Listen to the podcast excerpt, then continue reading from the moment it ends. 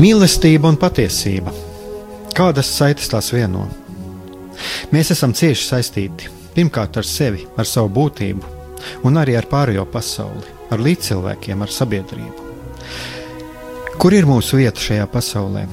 Kā mums katram atrast savu patieso aicinājumu un vietu? Kā sasniegt savas dzīves piepildījumu, mīlestību?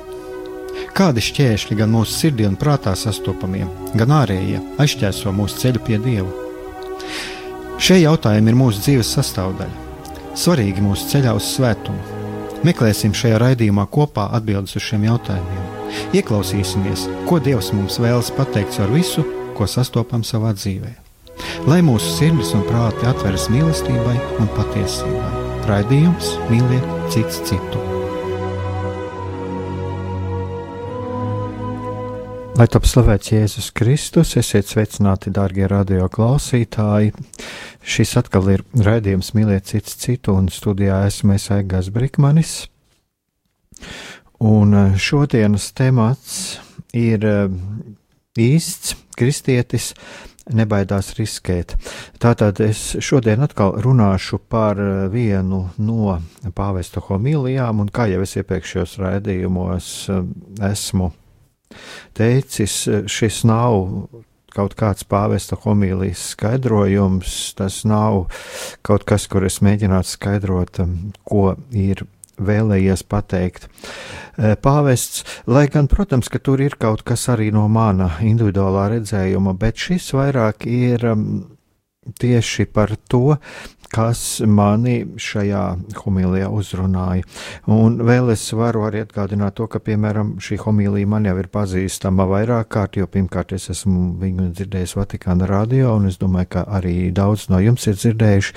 Eh, mēs viņu arī vakar skatījām cauri un dalījāmies par to, kā tas mūs uzrunā arī mūsu evanģelizācijas šūniņā. Uh, bet šodien es vēlos padalīties ar jums. Tātad tā ir pāvesta homīlija, pirmdienas 12. mārta rīta eh, svētās misijas homīlija, kuras nosaukums ir īsts kristietis nebaidās riskēt, un varbūt, ja kādam arī no jums ir pieejams internets, jūs varat apskatīties arī Vatikāna radio mājas lapā, kurā, kur arī ir pieejam, pieejama šī homīlija. Un eh, tā tāda pāvesta homīlija, kuras nosaukums ir īsts kristietis nebaidās riskēt. Un tā tad, eh, ko, ko pāvests eh, šajā homilijā saka? Tātad šeit ir teksts, ko mēs varam izlasīt. Tātad mm, Vatikāna radio mājaslapā. Pirmdienas 12. marta rīt Rīta svētās misijas humilijā pāvests aicināja kristiešus uzdrošināties riskēt, neapstāties pie pirmās saņemtās žēlastības, bet iet uz priekšu un tiekties pēc aizvien jauniem ideāliem. Kā ir ar manām vēlmēm? Tātad pāvests uzdod šā jautājumu, kā ir ar manām vēlmēm? Vai es meklēju kungu? Vai es nedzīvoju bailēs un esmu sastindzis, vai neesmu remdens? Kungs vēlas, lai mēs būtu patiesi priecīgi. Lūk, šie ir e, pāvesta vārdi, un e, tas man sasaucās arī ar manis paša izjūtām,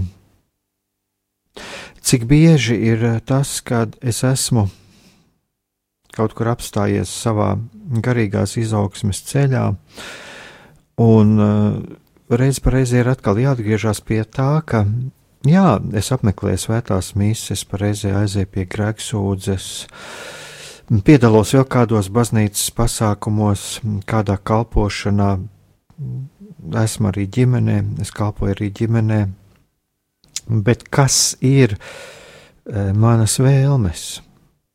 Kas ir tas, pēc kā mana sirds ilgojas?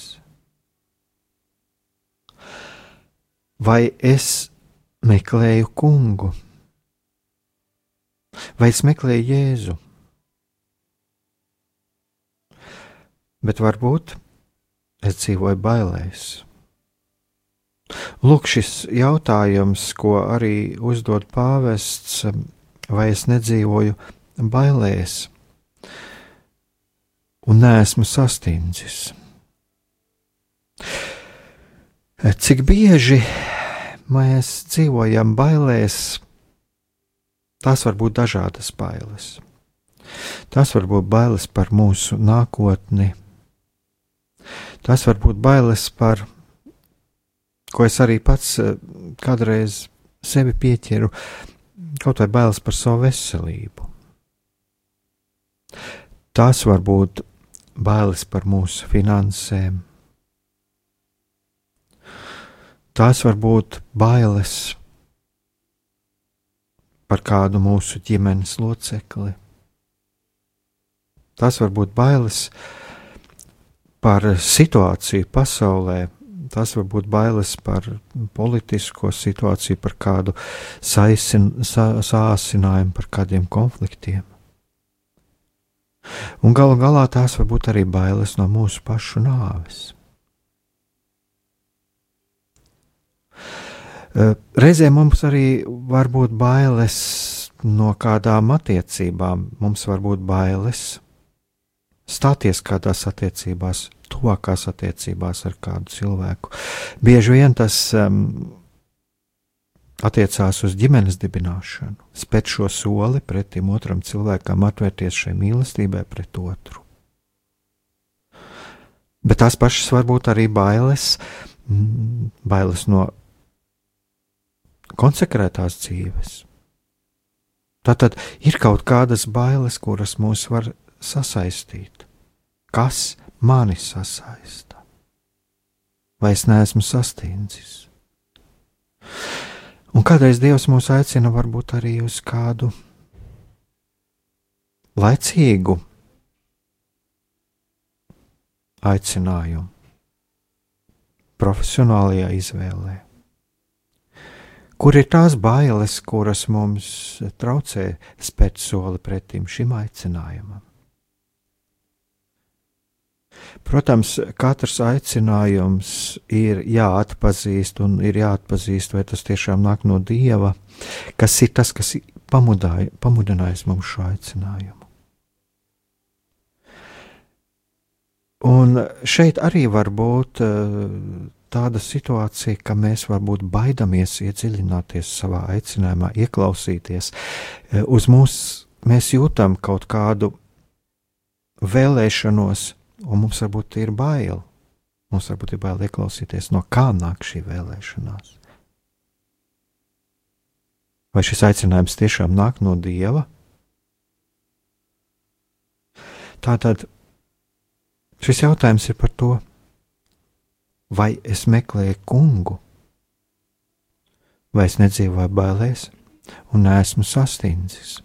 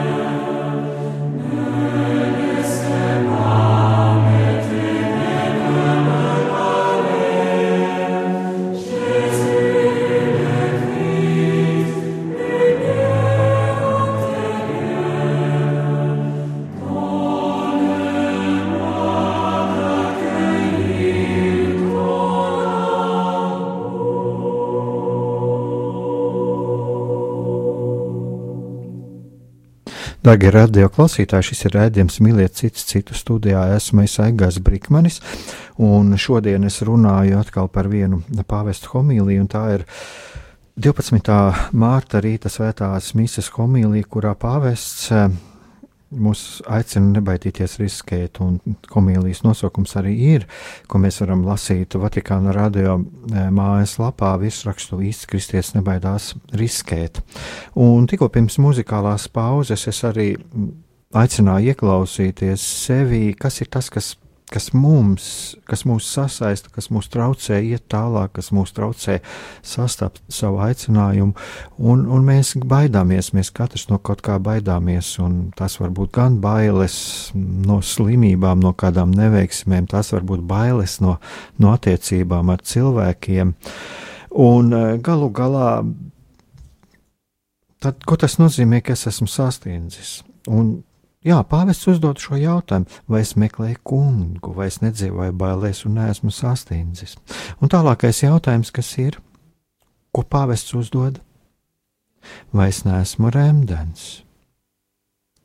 Tātad, vai es neesmu remdens, un vai mēs savā, savās bailēs kaut kur nekļūstam remdeni? Jo pāvests arī saka, kungs vēlas, lai mēs būtu patiesi priecīgi. Tā tad es arī sev uzdodu šo jautājumu, kas man ir vajadzīgs, lai es būtu patiesi priecīgs. Es domāju, ka mēs daudzi savā dzīvē esam pieredzējuši, es domāju, mēs visi esam pieredzējuši kādreiz redzējuši cilvēkus, kuri ārēji ir ļoti priecīgi, no kuriem liekas, ka staro ļoti liels prieks, bet tad mēs pamanām kaut ko, kaut ko intuitīvi jūtam, ka zem šī prieka slēpjas ļoti lielas sāpes un kaut kas iekšēji neatrisināts. Un tāpat mēs arī bieži vien redzam cilvēkus, kuri uh, ir ļoti klusi, neuzkrītoši. Bet kuros arī mēs intuitīvi sajūtam kaut kādas rūpes. Kaut kādu norūpētību. E, tas nebūtu nenozīmē, ka mēs uzreiz varam pateikt par šo cilvēku, kas viņam ir, kas nav. Bet šeit es runāju arī pats par sevi, cik bieži es esmu slēpis uh, savu neapmierinātību, savas bailes, savu nedrošību aiz ārējais, aiz ārēja prieka, aiz ārējas jautrības Un būtībā tas prieks ir mākslīgs. Un tāpat bieži vien es slēpju savu prieku, savu, slēpju savu, savu nedrošību, savas spailes. Es slēpju, ieraujoties sevī, pabēgot kaut kur malā, kaut kādā savā iekšējā klusumā Un kur arī ir kā no ārpuses varētu likties, jā, šī uzvedība viņa ir jā, tāds ļoti populārs vārds, tagad ir mūsu laikā ļoti likumīga. Ja? Tātad, lūk, mēs varam slēpt savas bēdas, savu nedrošību, savas bailes gan aiz ārēja prieka, bet tajā pašā laikā mēs viņus varam arī slēpt aiz ārēji it kā likumīgas, pareizas dzīves. Bet kungs vēlas, lai mēs būtu patiesi priecīgi. Nu, lūk, tad es varu būt arī patiesi priecīgs. Un ārējās izpausmes man var, var būt dažādas. Cits var būt patiesi priecīgs, ekstravertāks, viņa prieks var burbuļot ārēji, bet citam šis prieks ir patiesis. Bet viņš kaut kur iekšā burbuļo cilvēkam sirdī, un šis paužās citādi. Tātad šīs abas lietas, viņas ir ļoti labas arī šīs ārējās izpausmes. Pašas par sevi ir labas. Un ko saka pāvests? Pāvests saka, prieks rodas no būšanas kopā ar kungu. Tātad, kas ir mans prieks? No kā viņš ceļas? Un kas ir manas skumjas? Un varbūt manu skumju iemesls ir tas, ka kaut kādas bailes, kaut kāda nedrošība ir mani sastindzinājusi, un man ir ļoti, ļoti grūti iet uz priekšu. Es esmu remdens. Un es nevaru būt kopā ar kungu, jo kungs ir tas, kas aiz rokas pārnestā nozīmē, protams, bet kurš aiz rokas ved mani pretim manam aicinājumam. Lai arī kas tas būtu manā dzīvē, bet es to varu sasniegt tikai esot kopā ar kungu. Un eh, pāvests, atcaucoties uz evaņģēliju, arī atgādina vēl kādus Jēzus vārdus, ko, ko Jēzus aizrāda cilvēkam. Ja jūs neredzat zīmes un brīnumus, jūs neticat.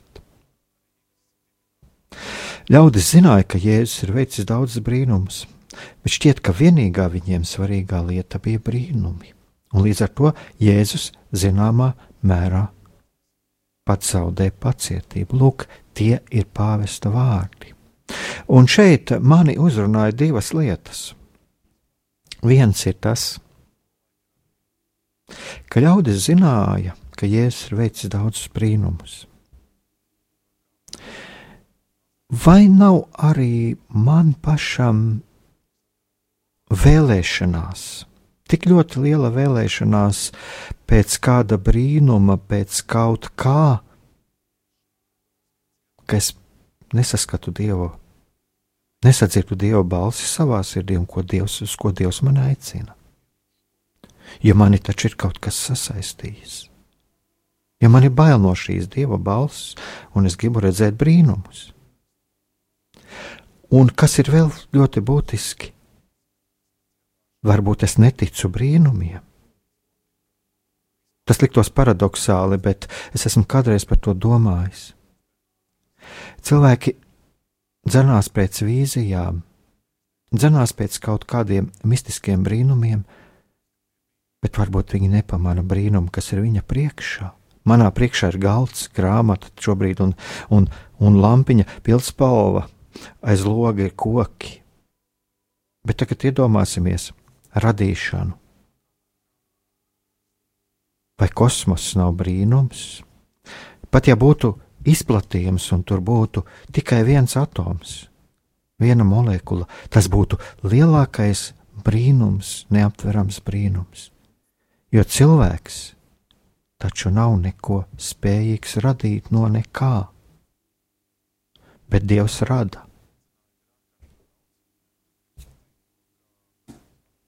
Veni sancte Spiritus Libera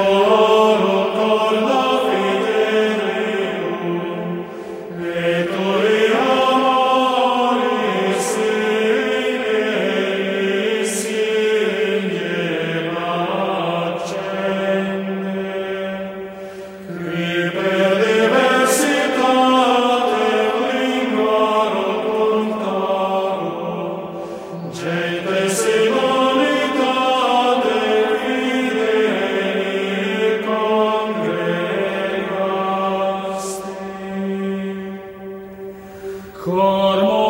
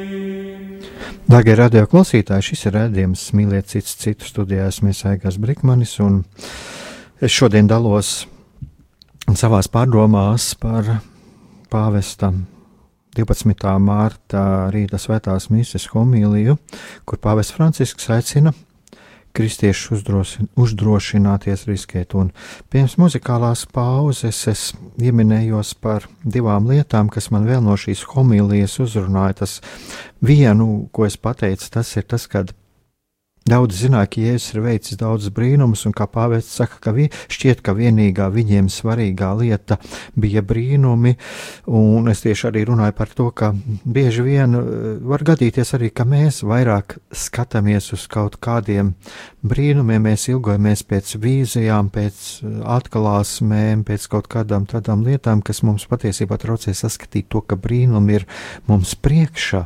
Tā ir šī radītā pasaule. Nu, protams, nerunājot arī par tiem cilvēkiem, ko Dievs noliek mūsu priekšā par šīm attiecībām, kaut vai tāds brīnums kā mīlestība cilvēku starpā.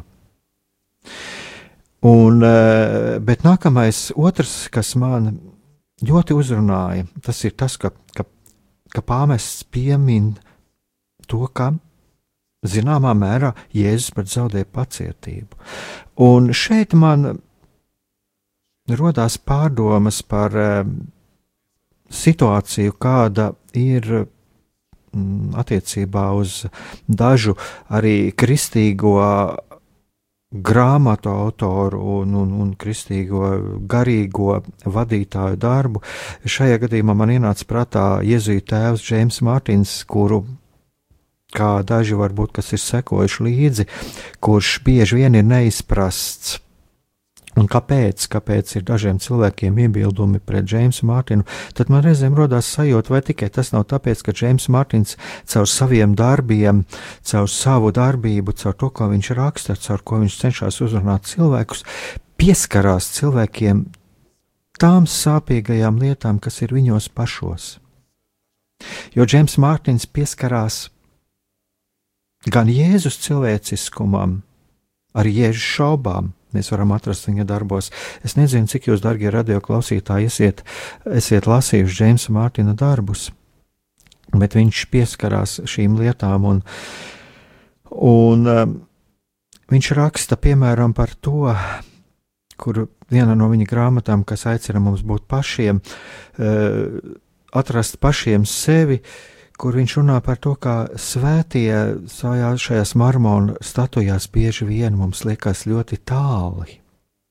Ja mēs ļoti daudz zinām par viņu svētajiem, par viņu svētumu varoņdarbiem, bet mēs nezinām par to, par to, ka viņi krita, ka viņi grēkoja, ka viņi piedzīvoja kārdinājumus.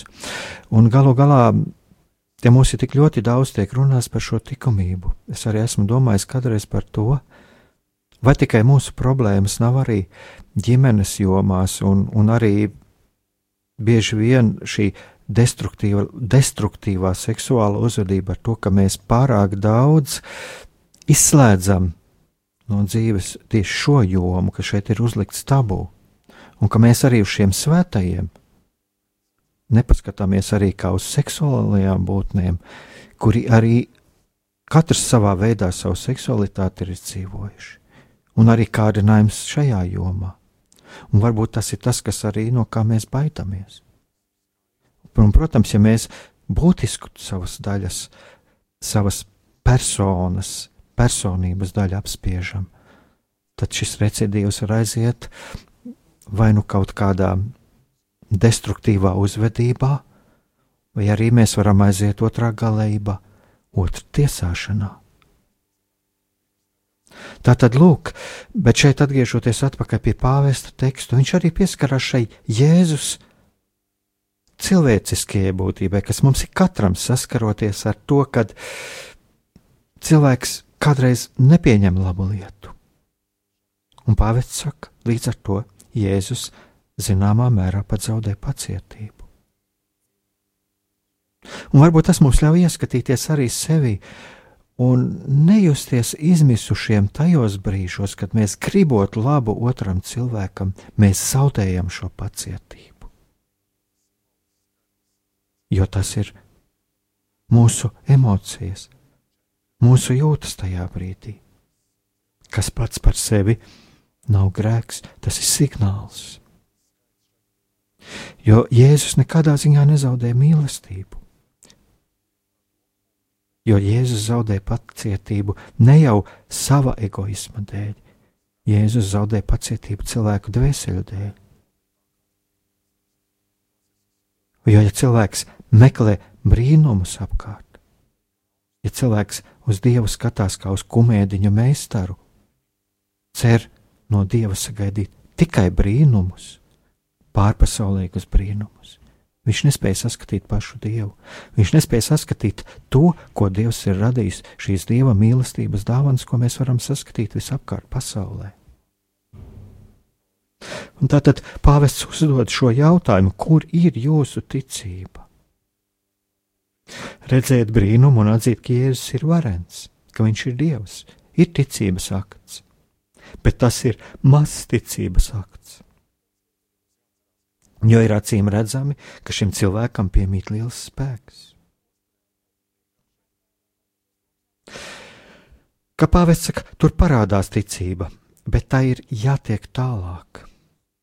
Kur ir tavas ilgas pēc dieva? Ticēt nozīmē ilgoties pēc dieva, gribēt viņu satikt, vēlēties būt kopā ar viņu un būt laimīgam ar viņu. Lūk, šie ir pāvesta vārdi. Un tad pāvests uzdod šo jautājumu: Kāds ir tas dieva lielākais, kāds ir tas lielākais kunga paveiktos, paveiktais brīnums? Un pāvests atsaucoties uz 12. Eh, marta E, svēto rakstu pirmo lasījumu, citē fragmentu. Redzi, es radu jaunas debesis un jaunu zemi, un agrākais vairs netiks pieminēts un neienāks vairs prātā, bet viņi priecāsies un liksmosies uz mūžiem par to, ko es veidoju, jo lūk, Jeruzalemi es pārveidoju par liksmību un viņas tautu par prieku.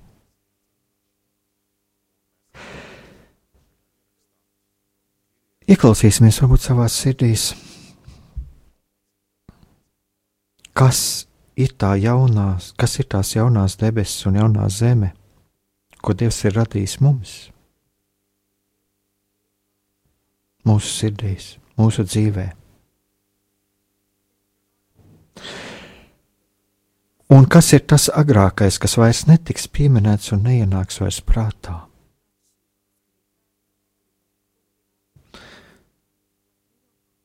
Ja mums katram ir kaut kas tāds, kas mums ienāk prātā, kas mums traucē ceļu pie Dieva, kas mums traucē, kā jau, kā jau es šeit runāju, arī šo pārdomu sākumā, kas mums traucē atrast savu patieso aicinājumu.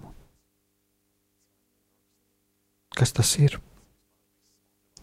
Vai tas ir kāds stereotips par mani?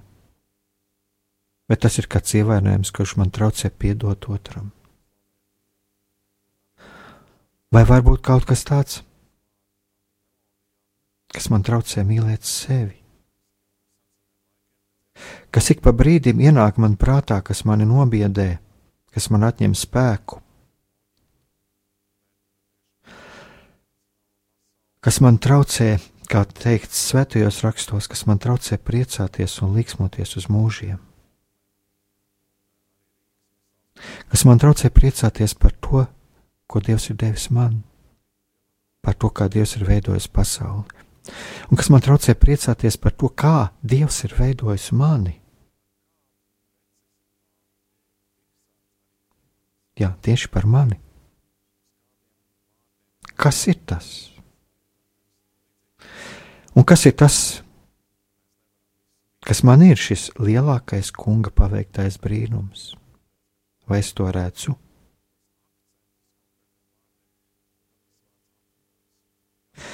Un um, kā mēs šeit varam lasīt arī šajā tekstā par šo pāvesta 12. marta rīta homīliju, ka pāvests norādīja, ka kungs iededz mūsos ilgus pēc viņa un vēlas, lai mēs priecājamies par to, ka varam būt ar viņu vienoti. Kad kungs ienāk mūsu dzīvē un izdara mūsos kādu brīnumu, tad ar to vēl nekas nebeidzas. Mēs zinām, ka kungs mūsu dzīvē ir izdarījis, mēs zinām, ko kungs mūsu dzīvē ir izdarījis, un esam aicināti iet uz priekšu, meklēt dievu vaigu un tiekties pēc prieka, ko sniedz kunga klātbūtne. Tātad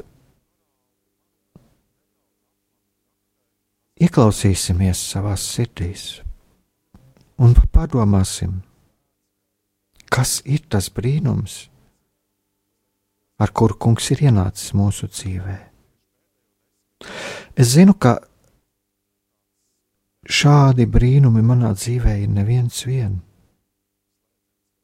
bet tik ļoti daudz man iekšējie trokšņi, kas man bieži traucē saklausīt, saredzēt, saredzēt tos brīnumus, ko kungs ir manā dzīvē devis. Vai nav tā, ka Mēs ļoti bieži vēl atgriežamies pie kaut kāda sava ievainojuma.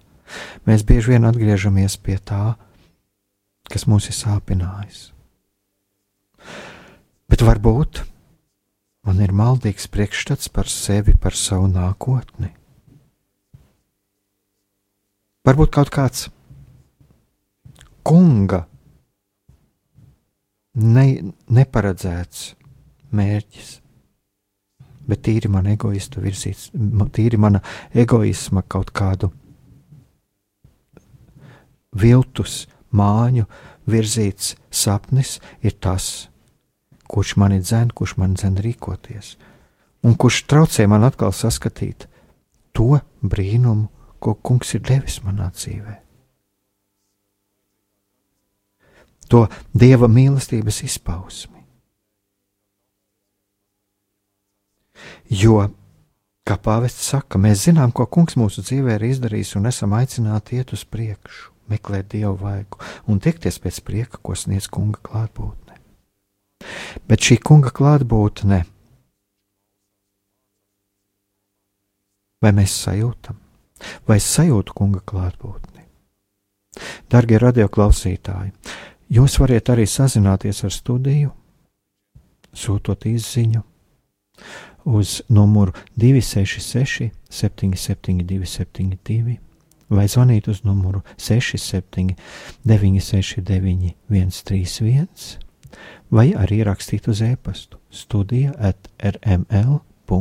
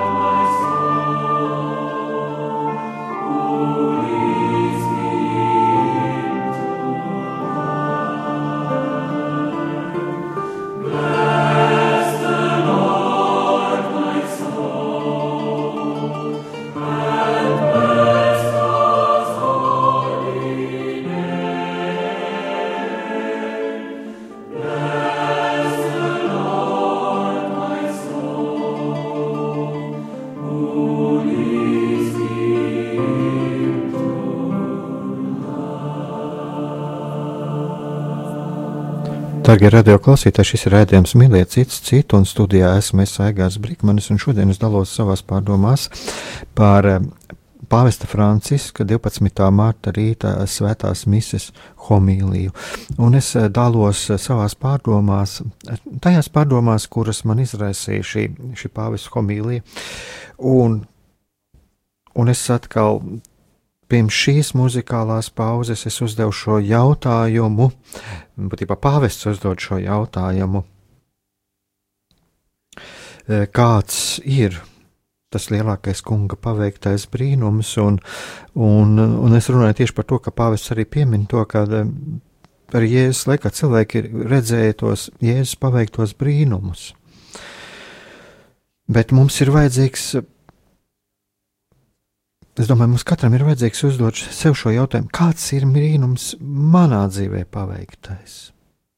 Un vai nav kaut kas tas, kad mēs gaidot no, no Jēzus kaut kādus brīnumus, kaut kādas vīzijas, ka mēs ne, neieraugam to pasauli, mēs nespējam vairs redzēt to pasauli, ko Dievs mums ir devis. Un vēl man arī gribās kādreiz tā uzdot šo jautājumu, ja mēs ļoti daudz eh, gaidām brīnumus, mm, tad vai neienāk kāds cits gars, kurš mums labprāt piedāvātu brīnumus un, un priekus, izpriecas, kuras mūs aizved projām no Dieva, no tā, ko Dievs ir mums paredzējis. Es domāju, ka šis jautājums ir arī tas, kuram ir ļoti svarīgi pievērsties. Un eh, vakar lasot šo, šo homīliju, es tomēr iz, nolēmu arī vēl vienu lietu izdarīt. Tas ir paņemt šeit līdzi uz studiju Pāvesta Franciska grāmatiņa pazemības ceļš, jo tur ir viena nodaļa tāda, kur pāvests runā par ilgstošu ciešanu sekām. Un ko viņš runā? Pāvests runā par to, ka Atcaucoties uz Bībeli, viņš runā par to, kur, kur var saskatīt cilvēku negribīgumu. Un viņš runā par to, ka cilvēki baidās, ka Dievs iejauksies un aizvedīs viņus ceļos, ko paši vairs nevarēs kontrolēt. Tie ir pāvestu vārdi. Cilvēks baidās no dieva, akme, no dieva apmeklējuma un mierinājuma. Tas izraisa tādu kā fatālismu. Šo cilvēku apvārtnes sašaurinās, piemērojoties viņa vientulībai un pasivitātei. Viņa baidās no tiekšanās uz mērķi, un priekšroku dod reāliska sniegtajam mazāk, nevis apsolījumā ietvertajam vairāk, un aizmirst, ka dieva visīstākais realisms izpaužas viņa apsolījumā. Ej projām no savas zemes, no vietas, kur tu esi dzimis, no tēva nama uz zemi, ko es tev rādīšu. Es darīšu tevi par lielu tautu, es svētīšu tevi un darīšu lielu tavu vārdu, un tu būsi par svētību. Es domāju, ka šeit katrā ziņā pāvests neaicina uz uh, attiecību pārtraukšanu. Es domāju, te ir par kaut kas pavisam cits. Mēs esam piedzimuši savās mājās, savās ģimenēs, bet šeit viņš aicina mūs iziet, iziet, iziet no savas, es pat teikšu, arī komforta zonas un sekot aicinājumam, būt drosmīgiem, atvērt savas sirdis un iziet no šīs stāvokļa, kādā, kādā mēs esam. Jā, bērnam ir nepieciešams iziet no ģimenes, iziet savā dzīvē, tad, kad viņš ir pieaudzis. Jo īstā mīlestība ir tā, kura nesasaist ar būri. Īstā mīlestība ir tur, kur mēs dodam otram autonomiju, dodam otram brīvību. Bet šeit pāvests runā par to, ka Dievs, cilvēki baidās, ka Dievs iejauksies un aizvedīs viņus ceļos, ko paši vairs nevarēs kontrolēt. Tik ļoti liela vēlme mums ir kādreiz kontrolēt, kontrolēt savu dzīvi, savus ceļus bet mēs maidamies saklausīt, ko Dievs mums vēlas teikt. Jo nepavēlti pāvests runā arī šajā grāmatiņā arī par ciešanas sekām. Jo ciešanas ir tās, kuras mūs var ielikt arī savu veidu komforta zonā. Un komforts būtu arī ciešanas. Bet ne tās ciešanas, ne tas krusts, kuru Dievs mūs aicina nest ar prieku, bet nepiedošanas krusts un ciešanas var arī dot mums tiesāšanas krustu. Tas ir tas krusts, tas krusts kuru Dievs mums nevēlas uzlikt. Jo kādreiz ciešot, mēs varam, un nepiedodot, mēs varam dzīvot tādā kā komfortā, kā cietēja, kā labāka cilvēka komforta zonā, jo lūk, tas otrs, tas sliktais, ir man darījis pāri. Bet piedot nebūtu nenozīmē aizmirst pāri darījumu bet piedot nozīmē pirmkārt nolikt šo savu ciešanu krustu pie Jēzus kājām. Un piedot otram cilvēkam un būt brīvam no šī ciešanu, no šīs nepiedošanas nastas, kura mums aizšķērso ceļu uz to brīvību, uz to patieso prieku, kurā mēs varam priecāties arī par otra cilvēka augšām celšanos, par otra cilvēka prieku, Varam priecāties arī varbūt kādreiz piedzīvot šo prieku, šo laimi, redzēt patiesā priekā, kā tas cilvēks, kas mums ir nodarījis pāri, iet pretim dievam. Kā viņš patiesi labo, nožēlojas savus grēkus un dod, dodas pretim svētumam. Un mūsu raidījums tagad tuvojas noslēgumam. Es tomēr vēlos izlasīt arī šīs noslēgumu, šīs homolijas noslēgumu, kur pāvests runā par to, ka mēs nedrīkstam apstāties pie kāda piedzīvota brīnumiem saņemta žēlastības, kura ir tikai sākums, pie tās nedrīkstam apstāties. Ja mēs apstājamies jau pie pirmās žēlastības, tad esam līdzīgi restorāna apmeklētājiem, kurš apēdis uzkodas, dodas mājās un tādējādi palaiž garām to labāko, otro ēdienu un desertu, ko bija paredzēts pasniegt pēc tam. Daudzi kristieši stāv uz vietas, Viņi ir iestiguši savā ikdienas lietās, viņi ir labi kristieši, bet viņi neaug, viņi paliek mazi. Tie ir noparkojušies kristieši, viņi sēž būrī, viņi neprot lidot un nesapņo par tām skaistām lietām, uz, kara, uz kurām kungs viņus aicina. Nu, lūk, un šeit pāvests aicina uzdot jautājumu. Vai es apmierinos ar parastām uzkodām, vai vēlos baudīt īstus banketa ēdienus? Ir svarīgi būt nobodā par savām vēlmēm, nemēģināt ērti iekārtoties savā krēslā, bet riskēt un iet uz priekšu. Darbie radioklausītāji, tāpēc es arī vēlos šo raidījumu šodien noslēgt ar, ar aicinājumu. Būsim tie, kuri atcerēsimies arī to, ko svētie raksti saka, ka mums Dieva valstībā ir sagatavoti mājokļi. Mums Dievs ir sagatavojis šo banketu, un būsim drosmīgi. Nebaidīsimies iziet no, sava, no savas komforta zonas, no šī sava garīgā stāvokļa, kurā mēs esam bet iesim šavā, šajā garīgajā ceļojumā pretim Dievam, pretim savam patiesajam aicinājumam, kas nekādā ziņā nav atdalīts no mūsu patiesās būtības, no tā, kas mēs esam, gan ķermeniski, gan garīgi, gan fiziski. Nebaidīsimies no tā.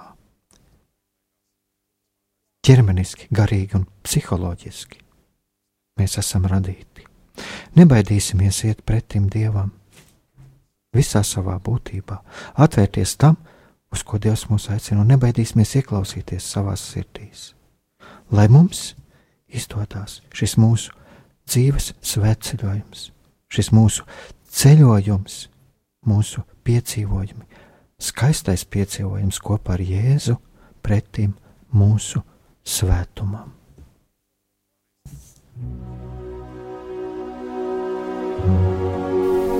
Mīlestība un patiesība.